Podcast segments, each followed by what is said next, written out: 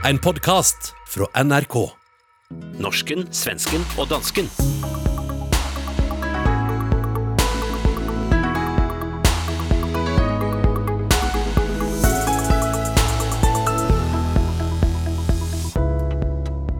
Norske milliardærer flykter til den ytterste nøkne ø for å unngå skatt. Dagens nyheter, Greta Thunberg Edition, er endelig her og blir hyggerasisme årets nyord i Danmark.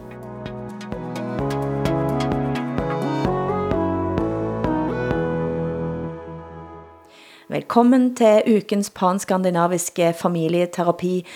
Og sig sist, Hassan, hvad har du sett på flatskærmen din? Ja, øh, jeg har set på fladskærmen. Øh, vi har jo, det, jeg ved ikke om I har det samme i Sverige og Norge, men vi har sådan en daglig julekalender for børnene, som er sådan et, øh, et fænomen fra 1. til 24. december, øh, hvor øh, hele familien så sidder og kigger på, hvad der sker i denne her fortælling. Og igen i år har Danmarks Radio valgt at lave hypersocialrealisme. Altså endnu en gang skal vi se på en fattig, lidende familie, som skal, øh, som skal slås imod den onde kapital, altså magten, øh, og, og gøre sig fri af den, for så at finde ind til den sande kerne og betydningen af livet og så videre. Ikke? Øh, meget, meget klassisk Danmarks Radio. Er det Mette Fredriksen, som har skrevet manus, tænker du, eller? Man skulle næsten tro det. Man skulle næsten tro, at hun havde subsidieret den i, i det mindste. Åsa, hvor er du? Eh, Jag är i eh, Jämtland. Ja. I Jämtland? Du, Ja. det er jeg veldig glad for, du siger, for at nå har jeg været så lei mig for, at du har stukket av til Danmark og Jämtland, og Herjedalen ser jo jeg fremdeles på som norsk. Hvad, hvad er Jämtland? ja, det är ett ganska stort landskap som gränsar till Norge. Så att jag känner mig ju som nästan hemma i Norge. I mitt hjerte er det fremdeles norsk. Det kan det vara i mitt hjärta också. Ja. Men du, Åsa, til litt andre type saker fra Sverige, for den store sexdebatten, den ruller videre i Sverige. Vi har snakket om en facett av den tidligere, kanskje mann, men det var ikke slutt med det. For det er ikke helt let så at holde oversigten over hvem som har sagt hvad, men her har altså SVT rukket oss ut en hjælpende hånd. Lad oss høre her. Ja, en sex och datingdebatt har tagit fart på kultursidorna. Saga Kavalin beskriver hur tjejer förväntas vara sexuellt frigjorda samtidigt som citat männen dominerar spelplanen. Nu ser hon tecken på en motreaktion. Allt fler går i celibat. Idén om en ojämlik datingmarknad fördjupas av författaren Josefin Holmström som lanserar begreppet kanske-man. En kanske-man är en man som eh, går in i relationer eller vad som skulle kunna bli en relation och eh, liksom gör alla de här grejerna man gör då, alltså umgås, dejtar och sådär men aldrig riktigt kan säga ja på ett djupare plan.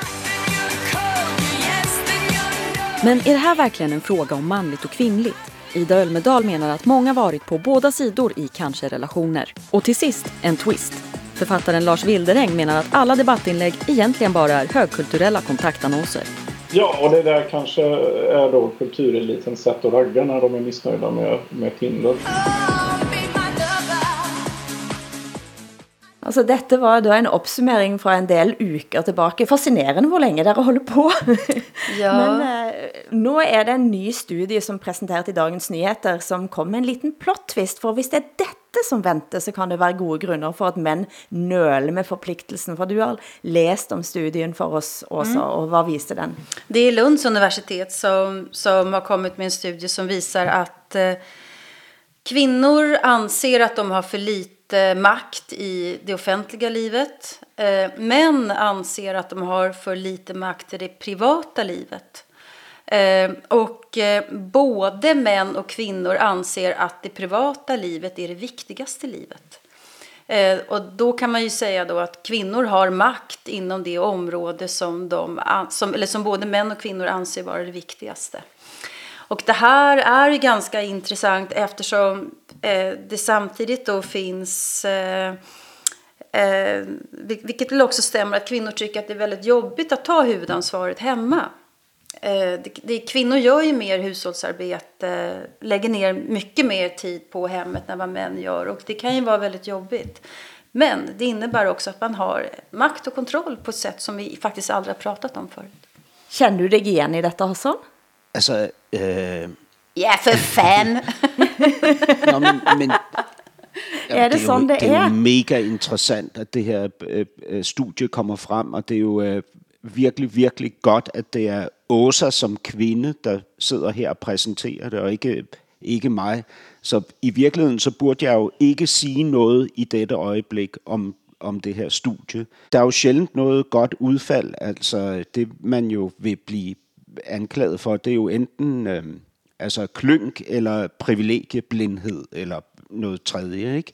Øhm, så jeg, jeg, jeg synes egentlig, altså, jamen prøv at høre, jeg, jeg ved jo nu, at jeg skal have en søn. Gratulerer, Min- Hassan. min kære- Gratulerer. Ja, tak.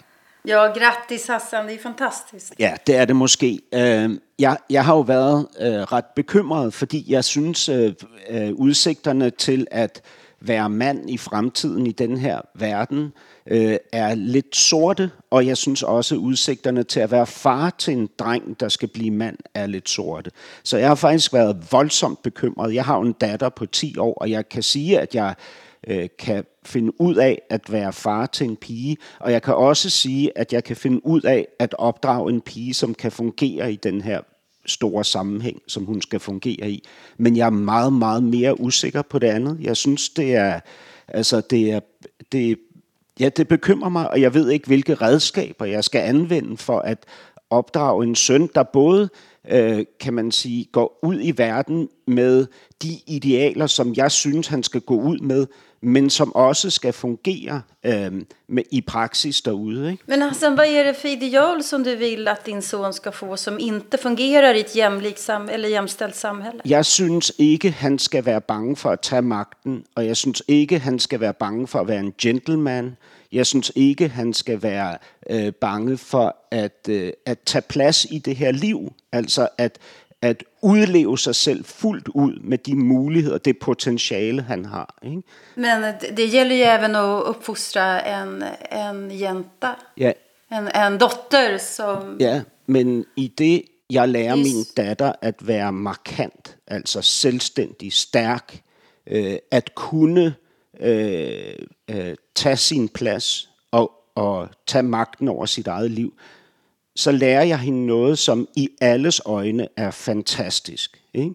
Alle vil sige om en 10-årig pige, der markerer sig, at hun er vidunderlig. Ikke? En 10-årig dreng, der markerer sig, det er en meget, meget mere kompleks snak. Der er ikke nødvendigvis åbenhed for det. Altså, der er ikke nødvendigvis øh, en stor kærlighed og forståelse til en dreng, der, der ønsker at Alltså det, är, det är inte min erfarenhet. Så jag, jag har ju uppfostrat två barn, en dotter och en son. Och det är faktiskt inte riktigt min erfarenhet. Vad säger du Hilde? Jag tycker, det, jag tycker det är roligt att vi i våran podd har söner och döttrar. Alla tre, en son och en dotter. Mm. Jeg ble, jeg ble veldig glad for det, Hassan, for da kan vi, Åsa og meg endelig få lov til å øse av en, en, vår enorme erfaring gjennom eh, næsten av flere tiår. Men jeg sitter og tænker på det samme. Men så tænker jeg at for en søster å ha en bror, og for en bror å ha en søster å spejle sig gjennom, er enormt vigtigt. Eh, og det er faktisk en stor gave, som, eh, som, eh, som du kan tænke på, Hassan. Det søskenforholdet mellem Sonja og, og din gutt er, kan bli vel så vigtig som det du fortæller, selv om jeg tænker far, far er jo hyre vigtig også. Eh, og det er den måten du er en far på, eh, som vil kunne give en søn en mulighed for at se, hvad man kan bli. Og kommer- hvis den ja. sønnen blir som deg, Hassan, så er det jo ingen grund til at, at være bekymret på den måten, tænker jeg da. Det tänker väl jag också. Nå, hvor er I søde. Tak. Fordi, men, men, altså, men, men det er jo det som jeg synes er det interessante i dette, når vi snakker om magt. Jeg skrev, jeg satt omtrent med rier eh, og skrev en artikel for nogle år siden til en bok som heter Den store mamma og pappa-boken. Jeg er imot all den type litteratur, men det var en antibok. Eh, og jeg skrev der om eh, hvor mange kvinder det er som insisterer på magten i hjemmet. Eh, I huset er det hun som er kaptajn, altså den type begreper. Eh, og at det er så mange kvinder som, som ikke giver fra sig den makten hjemme. Jeg tror det er dobbelt problematisk. Og jeg tror at det er ganske mange mænd også, som holder ut, holder ut et hjemmemiljø eh, eh, alt for længe. Holder ut en eller anden slags form for, eh, ja, til og med magtmisbruk, går det an at sige det også? Eller blir jeg for krass nu? Nej, det, det, det, tycker jag är, det tycker jag är alldeles för hårt faktiskt att säga att det är maktmissbruk. Ja, men altså, hvis, ja, men hvis, du, hvis, du bruker, hvis du bruker den omsorgen da, i hjemmet som en eller anden form for eh, at holde kontroll, da. Kontroll, altså, kontroll er bedre end magtmisbruk, det er for hardt ord. Då utgår det från att, att det är en medveten handling från kvinnan att man ska ha makt och ha kontroll. Det tror inte jag. Jag tror inte att det är så medvetet. Jag tror att mycket ligger i könsrollerna också, att man förväntas liksom göra allt det här i ett hem fast man kanske inte vill det egentligen eller Men, men, eller sådär. Men jag tänker jag, men hvis det er sandt, øh, at, at det ikke er en bevidst handling, men noget, der ligger i kønsrollen, så må det jo det samme jo gøre sig gældende for mænd. Altså at mænd i, virkelig, Absolut. at mænd i virkeligheden ikke har lyst til at fungerer i det der ekstremt øh, konkurrencepræget øh, øh, karriereræs, som vi forventes at være en del af, ikke? Øh, både af, i forhold til andre mænd, men også i forholdet til kvinder, og at, at vi i virkeligheden måske ville foretrække at kunne tilbringe mere tid med dem, som er tætte på os, og at det i sig selv var nok til, at vi kunne eksistere ikke? med stolthed og glæde øh, i livet. Og jeg må sige, altså med årene og den tid, der er gået, nu er jeg jo gammel, jeg er jo 51, 51, ikke? Jeg, jeg, er da, altså, jeg er jo ikke i tvivl om, hvis jeg skulle vælge mellem de to pakker, der er derude, altså karrieren og familielivet, hvad jeg vil vælge. Altså, jeg er jo ikke i tvivl om det. Altså, den ene ting ligger mit hjerte meget, meget nært, ikke? og den, den anden ting føles som en overlevelse kun. Men det är ju, det är ju lätt för dig att säga nu när du liksom är mitt uppe i din karriär. Men eh, ville du Men jag tänk- vælge familien, eller ville du vælge karrieren, Hassan? For det, det blev lidt usikkert. Jaha, jag, tänker, jag tänkte Hassan väljer familjen. Ja, selvfølgelig. Selvfølgelig. Jeg er slet ikke i Men- tvivl. Men, men må jeg bare lige sige en ting i forhold til det? Fordi karrieren for mig er jo det, der gør, at jeg kan bevise over for mig selv og mine omgivelser, at jeg har ret til at eksistere. Altså, det er jo det, karrieren primært er for mig. Ikke? Altså, ja, det kan også være sjovt og spændende og, og interessant og så videre, men primært, så er det jo det, der gør, at jeg beviser, at jeg findes i den her verden. Ikke? Precis, men vad jag tänker så här, det är intressant det du säger därför att eh, øh, jag kommer ihåg jag läste för flera år sedan en, en krönika av eh, en författare och DN-skribent som heter Bengt Olsson. Och han lanserar den här idén om att det, här, att det finns en slags familjeorienterad ny sorts man. Eh, där gör en stor poäng av att ja, men jag är med familjen. Eh, ja, ja, ni jobbar, ni reser, ni andra män. Men jag, jag är med min kone, min, alltså min fru och med mina barn. Och att det nästan blir en Don Corleone-grej av det där. Och att det är många, podd, många manliga poddare, många manliga liksom... Eh, i offentligheten män som liksom gör en grej av att de är sådana familjemän. Så det är också någonting nytt som kommer och det är ju bra. Hellre det än... Ja, det er rigtig interessant, men det, og det siger jo noget om mandens natur. Altså, manden kan ikke bare være en familiefar. Han skal være en deklamerende familiefar. Ikke? Ja, Just det, just det. Ah, good point. Men, men det der er for et kæmpestort problem, fordi at hvis nogen havde sagt til mig, at jeg kun skulle være en familiemor, så ville jeg ha lagt mig under en stein og blitt ganske deprimert. Med. Då hade inte jag Fordi skaffat for, barn. for, for, min, for min del så er det at kunne møte dere eh, og ha en type jobb som, som, ja, altså jeg, som jeg har valgt selv og udvikler på mange måter selv også. Men det er det som giver mig kraft til at være en mor. Eh, og, og ikke omvendt, fordi jeg tror jeg blir faktisk en bedre mor, når jeg bruger tiden med at snakke med dere også. Og, det, og, det, og det, da, jeg kender mig, da kender jeg mig veldig ofte uhyre lite kvindelig. Ja, men prøv at høre I to, uh, Åsa og Hilde. Nu, nu bliver jeg nødt til at sige til jer, I er altså lidt privilegieblinde uh, lige nu. Fordi Visst är vi det, absolut. Ja, fordi for jer, der er familien ikke et spørgsmål om øh, et, et tilvalg eller et fravalg. Og det er ikke noget, I kan miste under nogen omstændigheder. Ja, det vet jeg ikke helt, faktisk. Det, vil der aldrig ske. Altså, i, der er der ikke i nogen af vores lande, hvor man ser eksempler på, at kvinden kan miste øh, tilgangen til sine børn. Det er jo den anden vej rundt, hvis det sker. Ikke? Altså, øh, mænd er mega udsatte som fædre. Ikke? Men alltså mista, mista, mista eh, sina barn, det är inte det det handlar om, utan det handlar väl om... Eh, Miste adgangen til sine børn. andra, andra, andra band då. Men jag kan säga så här, jag, jag, är- jag, är- jag har ju jobbat fruktansvärt mycket. Jag har, mina barn har aldrig klagat, men jag har verkligen jobbat bort mycket tid där jag borde ha varit med mina barn. De har inte klagat, men jag har levt med har klagat på att jag är för lite med dem, men barnen har inte gjort det.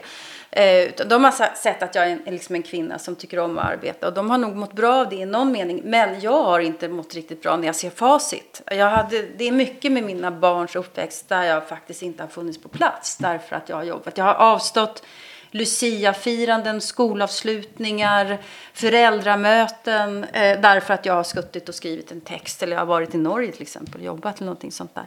Men jag tänker, jag läste en, en, en intressant text om, det här, om den här studien som Lund då har presenterat nu om män och kvinnors makt som, som Erik Helmersson skrev på Dagens Nyheters ledarsida.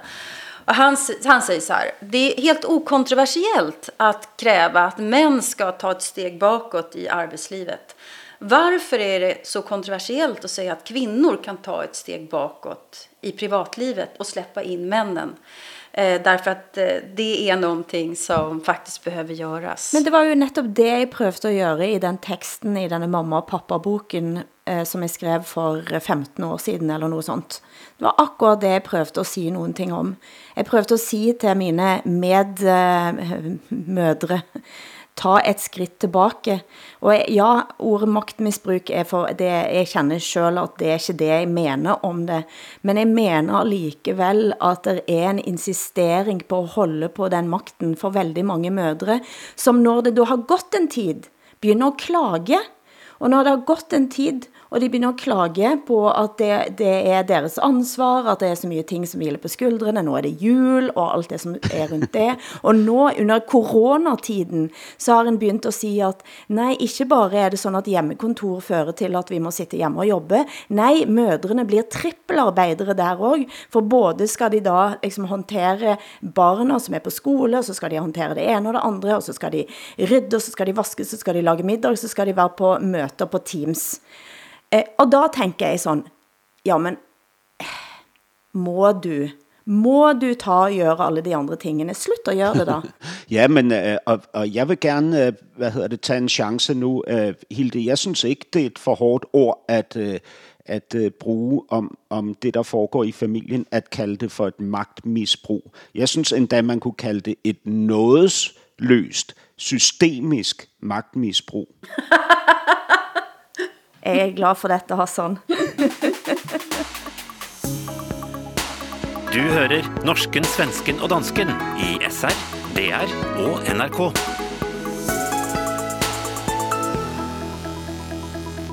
Norske rikinger og milliard, milliardene deres har flyttet til en bitte liten kommune i Nord-Norge til den lille kommunen Bø i Vesterålen. Alt for å unngå formueskatt. Det fikk blandt annet programleder Sean Henrik Mattsson på P13 til å klikke i vinkel, og det er spesielt en norsk skihelt han lar dette gå utover. er det én ting jeg kaster opp av, så er det milliardærene som har eh, flytta til Bø i eh, Vesterålen. Eh, for Bjørn Dæhlie er en av disse rike, imbisile idiotene som har flytta nordover. Veit du hvor mye spenn han har, Bjørn Dæhlie? NRK forteller at han har 414 millioner kroner i formue. Vet du hva han sparer i, i skatt ved å flytte til Bø? To millioner kroner. Jeg tipper at eh, Eidsvoll kommune, kommunen som eh, han flytter fra, eh, som ikke akkurat topper listen over de rikeste kommunene i landet, eller andre ting, det er ikke helt på stell, liksom. Jeg tipper at, med all respekt, Eidsvoll, jeg tipper at de kunne hatt bruk for de derre to millioner kroner, og så hva har det å si, liksom? Det er jo lommerusk for en fyr som har så mye spenn. Du har 414 millioner kroner, og så skal du spare to millioner i! Tak, Sean, du siger akkurat det jeg mener.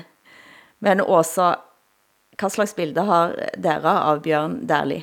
Av alla skidåkare i hela världen så är Björn Dählie en av dem jag tycker allra sämst om. En otroligt dålig vinnare. Alltså han var så överlägsen. Så när han kom över, när han närmade sig mållinjen så, så åkte han baklänges över mållinjen. Bara för att förnedra alla andra.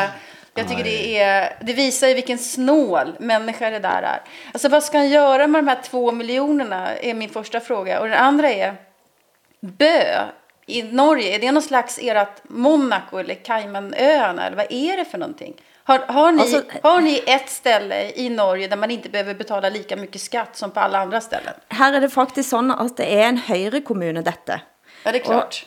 Ja, og formueskatten, den består en liten statlig, en større kommunal del. Og den nye formueskatten vil fra årsskiftet være på 0,35 procent her, mens den i resten av landet er på 0,85 procent. Og Bø har valgt å halvere den kommunale delen av skatten, og det er det også som virker som et trækplaster. Og Dali er jo en av eh, flere, en Sissner, som eh, er den rikeste som kommer op der, og jeg tror de tiltrukker sig nå typ 2,8 milliarder eh, i formuer op, op der da. Men det er jo en liten hake her, og det er jo at de må bo der halve året. Eh, og det jeg lurte på selvfølgelig var om norsken, svensken og dansken skulle rett og slett her eh, utsette se seg selv til en eller annen slags s- skatteoppsyn. At vi kunne reise upp och spejde efter Björn Dählie. Jag, jag tycker att jag har lite annat för mig. Men kan inte våra lyssnare eh, eh, hålla kontakt med oss och tala om hur de tror att det ligger till med Björn Dählie uppe i detta bö? Vi vill ha bilder av Finns Björn han där? Finns han inte? Vi vill ha bildmaterial. eh, vi vill ha, vi vill ha eh, live-rapportering från våra lyssnare. Må man, må, må man godt opfordre folk til at øh, anmelderi? Anmäleri, nej det är bara att vi vill ha ett empiriskt underlag. För vi vill veta om han bor där eller Men, men inte. at høre, Dette er journalistik, der, der er Hassan. noget, vi, vi ikke taler om her, som er endnu mere vanvittigt. Prøv at høre, i, altså i Sverige og Norge, så har I offentligt tilgængelige skattelister. Sådan så, Ja, det er så jeg kunne gå ind og søge på Åsa Linderborg, så kunne jeg se, hvor meget du havde betalt i skat sidste år. Sketa mycket. Jamen, det er jo, det er jo uhyggeligt. Varför det? Fordi det er jo private forhold, øh, indtægter og, hvad hedder det, øh, og, og, og dermed, hvor meget man betaler i skat, er jo ikke noget, der skal være offentligt tilgængeligt. Altså, vi har i Danmark en, jeg tror, det er en 10 år gammel lovændring, der trådte i kraft, hvor virksomheder og foreninger skulle fremlægge deres, øh, gør, gør deres skatteregnskaber offentligt tilgængelige, men privatpersoner, det er jo dyneløfteri, det her. Og det er jo noe eh, avisene har eh, levd med længe, fordi man kunne gå ind og søke hvor som helst i skattelistene, og så har det blitt lidt vanskeligere. Men her om dagen i min lokalavis, så kunne jeg da gå ind, hvis jeg ville søke på mitt årskull, noe jeg selvfølgelig ikke gør. Jeg synes jo det er helt uinteressant. Men man kan kigge over på naboen og... Det är skatteporr kan man Jamen, säga. altså, Det, vad ska man kalla det för? Ja, altså jeg har jo overvejet i en periode, om jeg skulle fly- alligevel skulle flytte til Norge, men det kan jeg da sige, det kommer ikke til at ske med 100% sikkerhed. Men vad har, du för hem, har du för hemligheter? Är du som Donald Trump, du betalar inte skatt? Eller vad är det du försöker dölja? Jamen, det, jamen prøv at høre, det, sådan, det er jo ikke nogen argumentation, så hvis jeg, vil, hvis jeg vil sætte et kamera op i dit hjem, Åsa, at du ikke vil gå med til, at jeg sætter et kamera op, kan jeg så sige til dig, hvad er det, du har at skjule? Skjole, jag har en skjole på mig idag, den är svart. Men jag tycker inte alls att det här är att jämföra med att ha en kamera hemma. Det här handlar om vad man har, hur, hur man bidrar till samhället, vad man, vad man tjänar och vad man betalar. Och eh, jag tycker man måste prata mer om lön och pengar för att överhuvudtaget förstå klassamhället och ojämlikheten. Ja, Vi måste ju liksom prata pengar. Og her er det jo en, en, en ny liten hake med dette projektet, som Bø nå holder på med. Og selvfølgelig så er det andre kommuner som ser eh, muligheten for at gøre det samme, og, og kaste sig på den samme galeien. Og blandt andet eh, på Valer i Østfold, allerede inde på tanken. Og en sådan skattekonkurrence er altså ganske grundlæggende usolidarisk. Osolidarisk och barnslig, en løgn. Vad ska de alla kändisar till de där i Bö? Varför, de vill, vill de ha Björn Dählie där som går runt och är uppnäst och stöddig och... Ja, hvor bor Gunde Svan? Gunde Svan bor i Dalarna. Men vi må ha litt Mette Nytt. For siden sist har hun talt til folket fra sin egen stue på Facebook, og la os høre et lite utdrag. Kære alle, det er anden søndag i advent, og her på Marienborg er der pyntet smukt op til jul. Nøjagtigt som det gælder i rigtig mange danske hjem over hele landet. I fjernsynet er årets julekalender kommet godt i gang, og det er blevet tid til i mange køkkener at få bagt kleiner og vaniljekranse og brunkager. Nu mangler vi bare snart, at det også begynder at sne. Må ikke vi alle sammen glæder os særligt meget til julen lige præcis i år. Det gør jeg i hvert fald. Altså her kan det faktisk høres ut som det er hun som kan ligge bak eh, julekalenderen her, Hassan. Jamen. Eh, Men du, sk du skrev på vår chat, hun har simpelthen storhedsvanvid.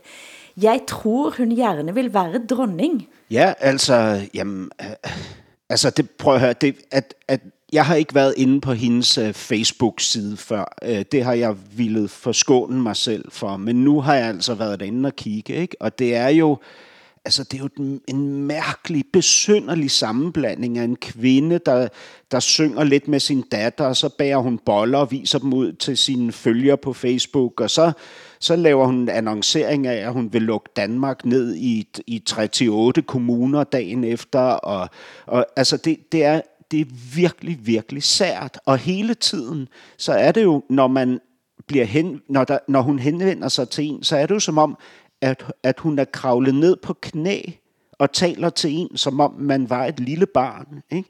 Og det virker jo åbenbart, fordi på trods af de her kæmpe skandaler, der har været med, med angivelige grundlovsbrud fra den her regerings side i forhold til alle de her øh, nedslagninger af mink i Danmark, så har hun jo nu større tilslutning i de helt nye meningsmålinger, end hun nogensinde har haft før. Så folk elsker jo det her. Altså, den brede befolkning vil jo gerne tales til, som om, øh, at den bestod af børn. Åsa, du eh, har jo tidligere vist en stor fascination for mm. Mette Fredriksen. Ja, det har jag. Nå, jag tänker att det är en väldigt medveten iscensättning. Och, men samtidigt så alla vi som ser det där vet ju att det är någon som står och håller i en filmkamera och registrerar det här. Och då, då, och då blir jag alltid liksom lite, det är en ledsam tanke, eller jag blir lite illa till mots på något vis. av Jeg har det på samme måde, Men- og he, hendes, hendes øh, kære, eller den mand, hun er sammen med nu, som hun blev gift med for ikke så længe siden, og har været sammen med nogle år, øh, han, er, han er faktisk øh, filmfotograf øh, og, og instruktør, altså regissør. Øh, og, og jeg får jo sådan en, altså, øh, øh, en frygtelig tanke om, at han er castet ind i det her parforhold, fordi han er god til at filme. ikke? Og nu ved jeg jo godt, det kan jeg jo ikke sige noget om. Det er jo bare min paranoide hjerne, der taler. Ikke? Mm, det var det nog faktiskt, Hassan. Ja, men øh, Det var nog din paranoida hjärna. Det kanske är så att han tycker väldigt mycket om Mette. ja, det kunne jo også være. Det er rigtigt. Le lek, lek med den tanken att det kanske finns män, Hassan, som tycker om Mette Fredrik. Det kan være kærleik. Men altså, men vi ved jo, at selv de paranoide kan være forfulgt. Ja, det... Men jag har en fråga, jag har en fråga eh, Hilda. Alltså, I Sverige så har ju statsministern en, en särskild bostad, Sagerska palatset, där man bor. Eh, har, ni, har statsministern, alltså har Mette Fredriksson en bostad nu till låns? Eller fick vi se hennes privata bostad? Eller var det den liksom, statens bostad som hon Jamen, visade upp sig? För den såg väl ganska trist ut, tycker jag. Ja, altså det ene, den, det ene klip, hvor hun sidder og taler ud til, øh, til Facebook-følgerne, det, det, det fornemmer jeg er optaget i statsministerens officielle bolig, som hedder Marienborg og ligger i Bagsvær uden for København. Men, men, Ja, for det siger hun. Hun siger det indledningsvis. Aha, en men- hilsen fra Marienborg. Okej, men är det där hon också bor? Eller har hon behållit sin privatbostad och det är där hon har familj? Ja, ja, så har hun sin private bolig, hvor hun bor med sin familie. Ikke? Og jeg, jeg, jeg vil mene, at det er i hendes private bolig, at hun står og synger med sin datter til Och då är det ännu skickligare i så fall. För att den bostaden ser ut att vara ett helt, en helt vanlig eh, bostad. Det finns inga, inget extravagans, extravagant, det finns ingen utmanande konst, det finns liksom ingenting där som signalerar personlighet överhuvudtaget. Utan det skulle kunna vara vilket kök som helst.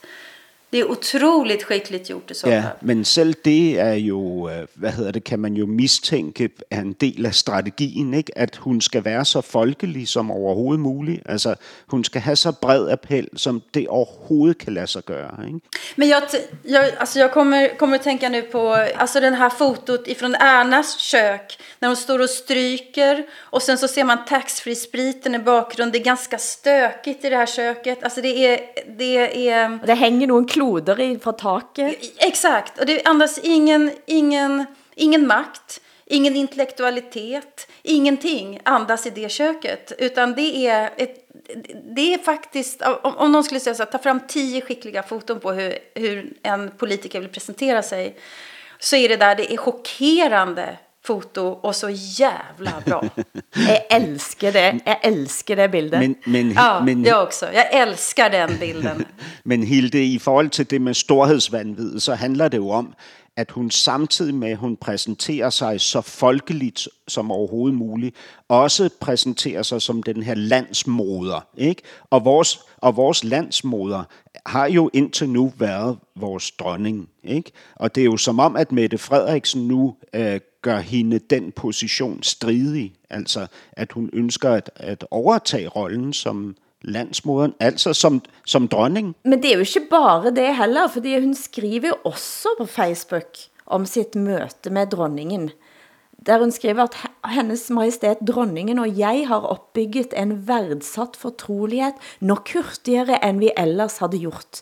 Jeg husker personligt en samtale tydelig, hvor hennes majestæt dronningen sa, men nu er det tante dronning der taler, og de skal godt passe godt på dem selv. Jeg følte næsten her at hun la sig selv ind i eh, mig og dronningen. Ja, i, i rentlängden där. Men jag, när jag såg det där, då, då, då kom jag att tänka på senaste säsongen av The Crown. Alltså kampen mellan eh, drottning Elizabeth och Margaret Thatcher. Det är liksom, det är en, en kvinna för mycket här. Ja. Men eh, Henrik Fortrup har skrevet også på Facebook da, eh, om, om denne coronapresskonferensen inne fra sitt eget hjem. Og så skriver han, Måske hun like frem kunne overveje at stille sig til rådighed for interviews til andre medier end Facebook. Altså, hun er jo både, både Mette Frederiksen og, og hendes øh, ministre i den her regering, er jo notorisk kendt for ikke at ville stille op til kritiske interviews. Altså, pressekonferencerne er, er alt for korte, øh, kritiske spørgsmål er uvelkomne, og de møder øh, altså konsekvent ikke op til medier, der kunne forestille sig at have en kritisk tilgang til, altså til, til regeringsmagten.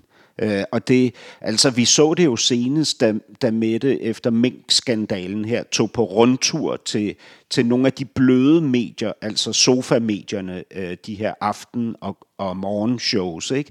hvor hun jo havde, havde forventet, at hun ville kunne komme ind og sidde uangrebet at, og, og berette om sine strategier og sin at nu er det snart jul og så videre, hun bager kleiner derhjemme og sådan noget. Men der blev hun jo faktisk mødt af kritiske interviews, og man kunne mærke på hende, hvor forfærdeligt hun syntes det var, at hun skulle udsættes for det. Altså det var som om hun simpelthen ikke havde nogen forståelse for, at det skulle foregå, ikke? At, det skulle, at det kunne forekomme. Altså hun, til journalisterne så sagde hun, ja det, det er da et virkelig tåbeligt spørgsmål, du stiller. Altså det var hendes reaktion på, på de der øh, øh, hvad hedder det, spørgsmål, ikke? kritiske spørgsmål. Norsken, svensken og dansken med Hilde Sandvik, Åsa Linderborg og Hassan Preisler. Men nå Hassan, avisen du har ventet på i flere måneder, svenske Dagens Nyheter, Greta Thunberg Edition, är ändlig ute. Och Åsa, hvordan blev det tatt emot? Ja, det, blev, det var ju en stor fråga när, eh, när Dagens Nyheter berättade att Greta Thunberg skulle vara chefredaktör för en dag. För den stora frågan är ju vad kommer det att bli någon stor skillnad då? Vad, vad kommer skillnaden vara? Och är inte det här kampanjjournalistik? Och ska man verkligen utlåna liksom, sig själv till, till någonting sånt här? Och sen så kom då tidningen och och eh, den är ganska tung. Den är snyggt layoutad men det, det är väldigt mycket fakta och jag tyckte det var, jag tycker sånt, jag tyckte det var tråkigt. Men eh, vad hon gjorde var, det, alltså det, det Greta Thunberg gjorde var att hon tog bort allt opinionsmaterial och så sa hon att det här är bara fakta. Och det tycker jag är, det är, det är inte helt enkelt att bara göra det därför att fakta måste ju ändå värderas och diskuteras. Och den, de fakta som läggs fram eh, måste man ju ändå dra politiska slutsatser av. Alltså, vad är konsekvenserna av det här? Vad, vilken handlingsplan då ska vi göra för att rädda jorden? Eh, så att, så att all, all fakta måste ju kunna kontextualiseras. Men det stora problemet tyckte jag nog med den där tidningen var att den, är, den lever så mycket på att skapa ångest. De har en klocka som tickar ner, det är bara sju år kvar och så tickar sekund för sekund att snart går jorden under. Så samtidigt som de lägger upp den där klockan då på sin hemsida då som tickar, tickar, tickar så, så lägger de också ut artiklar hur man ska prata med sina barn om klimatångest. Jag får lite åndenöd. Nej, ja, jag har ord, inte ord för det faktiskt. Men, ja. Hassan, har du sett avisen? Jamen altså, nej, nej, jeg har ikke set avisen. Jeg, jeg har læst, øh, jamen, jeg har læst lidt, som, øh, som øh, Greta selv har skrevet øh, på den dag, ikke? I, i den avis, men jeg har ligesom ikke øh, studeret avisen fra ende til anden. Øh, det, det, altså, det kunne jeg simpelthen ikke få mig selv til. Øh, men, men det er jo, der, der, der er også noget ret interessant i den her, øh, i, i studiet af den her generation, som hun tilhører. Ikke? Øh, jeg læste Søren Dam fra Berlingske skrev en kronik om den her øh, generation, altså som øh, Ja, hvad kan man, altså det er jo, det er jo sådan en blanding mellem øh, millennium-generationen og så generation Z, den generation, der kom lige før, ikke? Og det er jo sådan nogle, det er jo sådan en generation, som, som opfører sig lidt ligesom sådan nogle hysteriske øh, børn øh, i supermarkedet, ikke? som lægger, lægger sig ned på jorden og skriger, når de ikke får deres vilje. Ikke? Og, øh, og, og, og jeg tror simpelthen, altså, at mange medlemmer af de her generationer, altså dem, der i dag er øh, sene teenager og, og op i 20'erne, jeg tror simpelthen, de er blevet curlet for meget, og de er vant til at få deres vilje, og når de ikke får deres vilje, så begynder de at græde og skrige og råbe. Ikke? Og de er sådan set i stand til at tilsidesætte alle de principper, som alle vi andre arbejder under for at få deres vilje. Ikke? Fordi deres sager har større betydning end nogen andre generationers sager. Ikke? Det er dem, der har set lyset, det er dem, der har sandheden, det er dem, der ved, hvordan øh, tingene skal øh, forandre sig hen imod den bedre verden som de kan garantere. Ikke? Men det, det håller jag med om. Att det är en yngre generation som verkligen øh, har tagit som sin uppgift att uppfostra alla oss, oss andra. Men øh, det är inte riktigt så jag tolkar Greta ändå. Jag är för hennes projekt. Och det är viktigt att, att hon uppmärksammar sin generation och även oss andra på, på de klimatförändringar som faktiskt är. Det är viktigt. Jag är för henne av princip. Men jag tycker också att hon kan utnyttjas lite grann. Och jag tyckte att hon blev det i, i DN, Dagens Nyheter här nu. När, det är alltså en tidning som lever på sin bilreklam, som på, på sina bilannonser. Och då undrar jag ju liksom, ska Dagens Nyheter dra några slutsatser av hur, hur Greta tycker att den här tidningen ska skötas? I så fall måste de säga nej till väldigt, väldigt mycket annonspengar. Mm. Är det bara vi andra som ska dra slutsatser av Gretas eh, eh, chefskap eller ska Dagens Nyheter också göra det? Det skulle jag vilja veta. Ja, nämligen. Men vi holder oss litt i Sverige. Svenske Senterpartiet rystes av en stor pedofilisak. Partitopp Fredrik Federly bodde sammen med en mann han visste var dømt for pedofili. Hør her et klipp fra Expressen TV.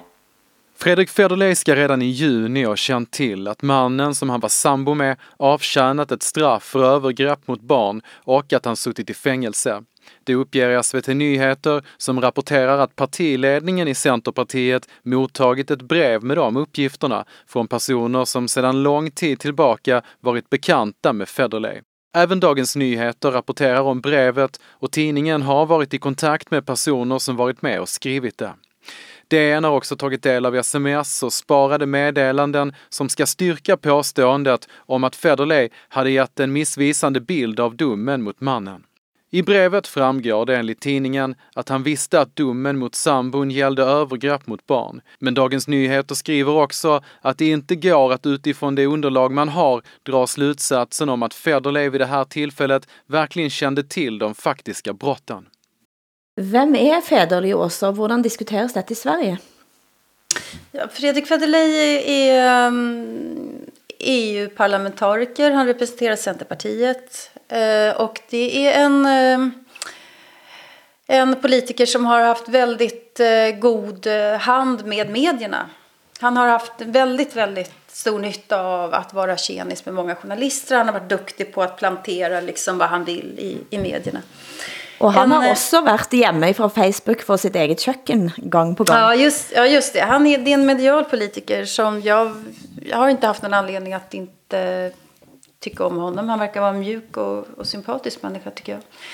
Eh, och sen så avslöjas då det här och eh, det är ju naturligtvis eh, en tragedi men, men eh, eftersom brottet handlar just om pedofili. Jag tänker mycket på det här eftersom vi är väl överens om i en rättsstat. Så man, man döms för, det är inte han som är dömd för pedofili ska se utan det är hans sambo. Men, men man blir dömd för någonting, man, man, man sitter av sitt straff och sen så ska man liksom vara tillbaka i samhället och börja från noll. Men när det gäller eh, brott mot barn så, så då är det det värsta tabut. Och liksom det, liksom hela ens inre gör ju motstånd mot att tänka att den här mannen ska betraktas som vem som helst av oss från och med nu. Men jag skulle ju helst bara vilja att de satt, vilja att de satt inne för, för evigheter.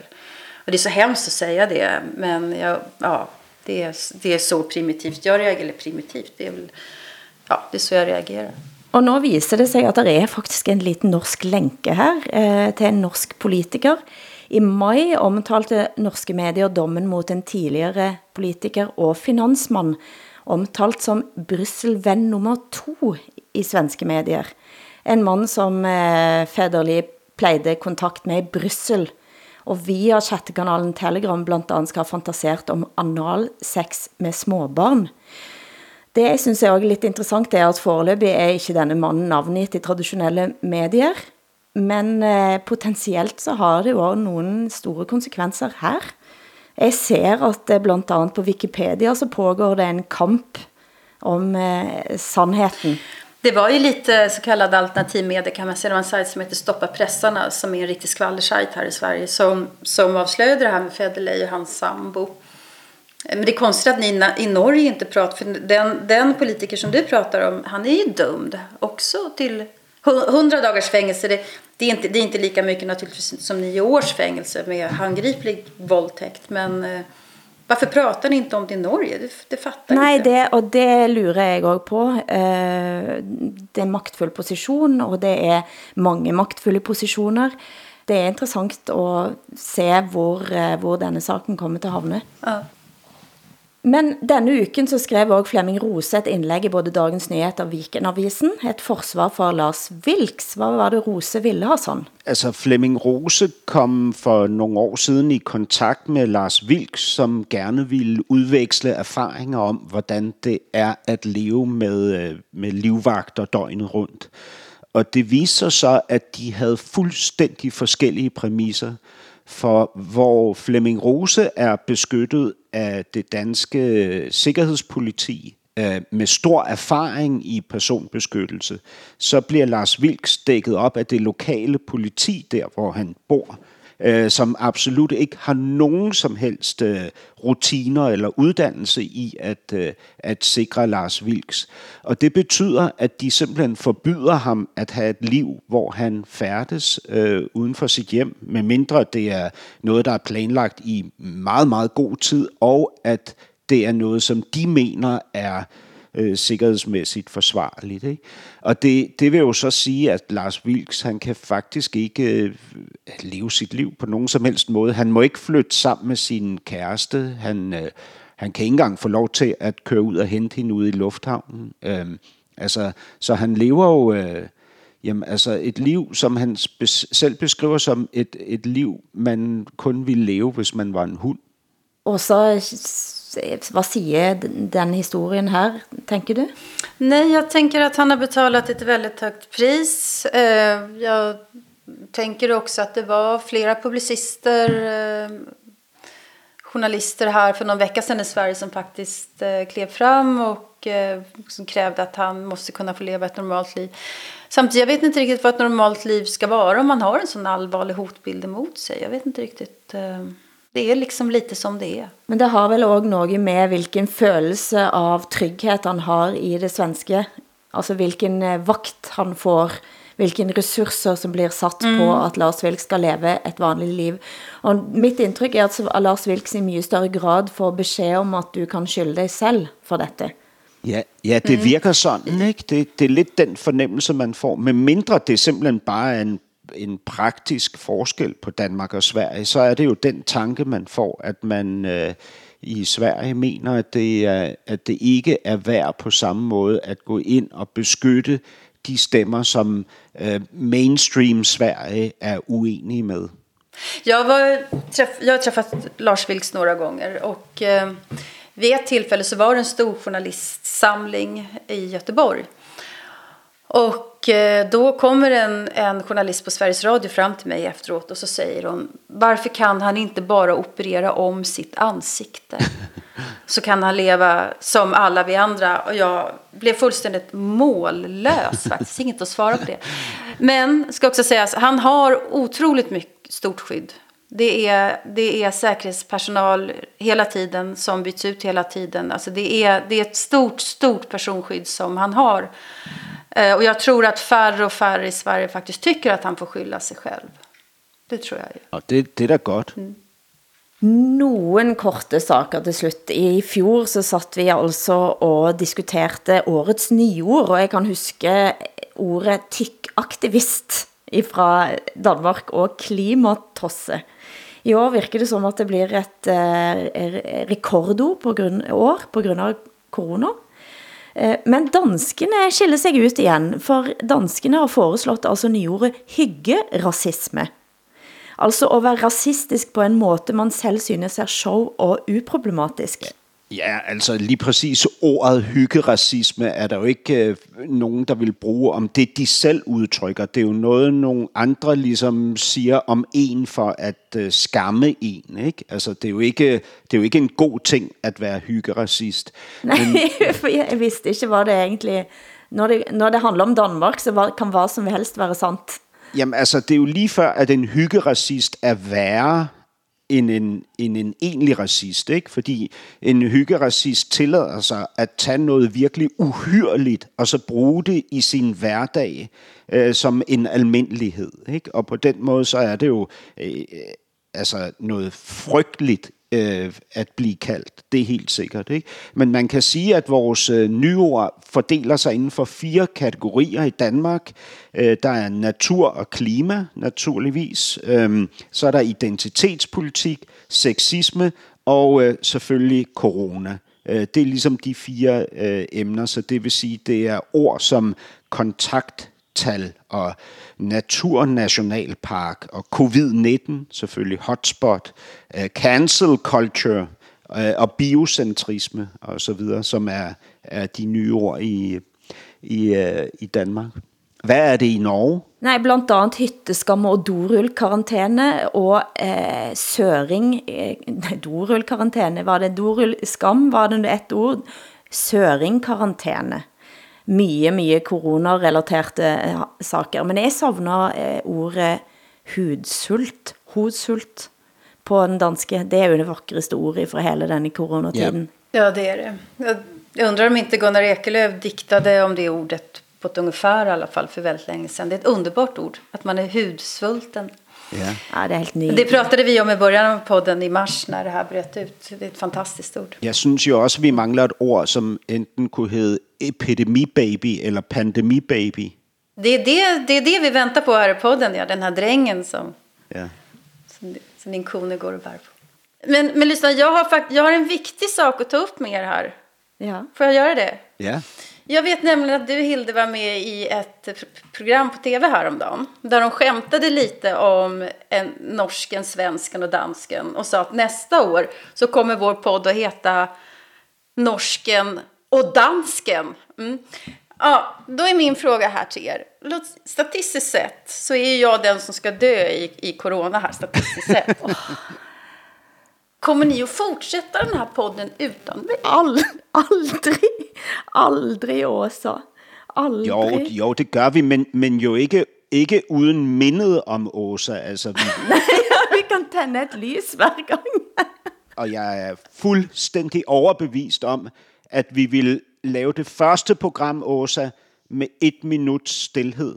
Og så vil vi lave sådan en, en, ja, en collage over fantastiske ting, Åsa har sagt. Ja, i- och kan ni inte ta med, kan ni inte ta med när jag sjunger till Shubidoa den här när, Ja. när ni i Ja. Danmark pumpar, Danmarks pumpar sang, jätter. den, den tycker jag ska vara mitt anthem. Apropos, apropos sangen, har vi ikke nogen sange i denne her uge? Jo, vi, har, vi gikk eh, syngende ut fra forrige episode, og at det, vi, det viste seg at vi var på merke på tidsånden. For det er rett og slett ikke måte på hvordan det synges om dagen. Her kan vi høre Norske Sportsklubben, som fikk Norges fremste idrettsmenn og kvinner til å stemme i en Teams versjon av O helga natt. Vi advarer her mot sterke lydbilder. Og håpets stråle går igjennom verden, og ljuset skimrar over land og hav. For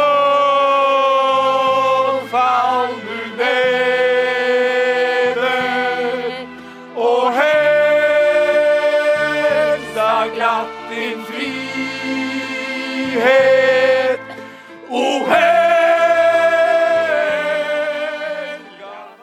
Dette er også toppen av, poppen av sportsfolk i Norge. Var, var det, sjöng de på norska? Jag hörde inte ens det. Eh, Nei, de sang på liksom et slags svensk. Men her er den svenske kyrkans koronajulesang. Hotet runt hörnet kan drabba dig och mig Så jag håller dig på avstånd fast själen skriker nej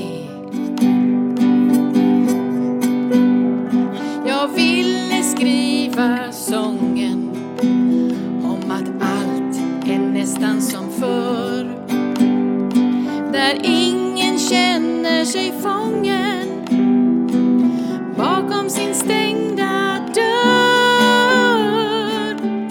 I Danmark er det... Varför, vad skrattar du åt Hassan? Ja, det er fantastisk. Har, har du også noget fra Danmark, Hilde? Ja, i Danmark så er det politikorpset som har laget sin egen koronajulesang. Den marts i 2020 vil vi aldrig glemme, for siden har vi stort set skulle blive hjem. Corona kom her til os fredags i en fart, og det der fulgte efter var slet ikke rart. Åh, corona, du skal gå din vej. Vi er trætte af at slås med dig, som giver os vor hverdag tilbage. Hold afstand, smidt nu hen og gå sjældent ud. Alltså det, för jag, för jag, alltså det är synd att inte lyssnarna kan se de här eh, poliserna. De ser ut som eh, konstapel Bastian i Kamomilla stad. Men väldigt, väldigt gamla. Och har, har riktiga uniformer med guldknappar och medaljer. De är så vackra. De är så fina. Ja. Jag skulle vilja Men, ha allihop. men prøv at høre, det siger, det siger jo ret meget. Altså, selvfølgelig synger de politikoret bedre end øh, norske sportsstjerner, men det siger jo en del, at vores politimænd synger bedre end jeres kirker. Ja. ja. ja, visst är det så.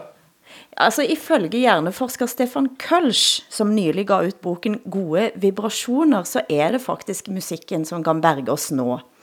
For ikke bare skaber den gode vibrationer, men den helt konkret så virker den ind på hjernen. Og jeg har også sett bilde av en hjerne skannet av en topmusiker, som bare viser hvordan faktisk det konkret lager nogle helt andre spor i hjernen. Og så blir vi i bedre humør. Så ikke hør på Hassan Mette, syng i vej. Men altså til slut, hvilken sang skal vi gå ut på? Skal vi gå ut på norske sportskommentatorer, som synger O Helga Natt, svenske præster eller danske politimænd, Jamen, skal vi, ikke høre, skal vi ikke høre Mette Frederiksen synge? Vi kan høre Mette Fredriksen synge på vej ut. Det gør vi. Altså, vi toner ut med Mette Fredriksen. Producent har været Henrik Hylland Ulving. Tak til Hassan Preisler i København. Åsa Linderborg i Jämtland. Og jeg heter Hilde Sandvik og befinder mig for øjeblikket i Oslo. Vi høres igen om en uke. Det har regnet på mit vindue Drøbe på min kind Uh, jeg ville gøre alt Om igen, om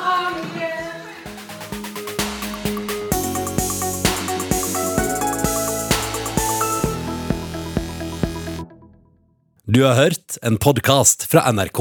Hør flere podkaster og din favorittkanal i appen NRK Radio.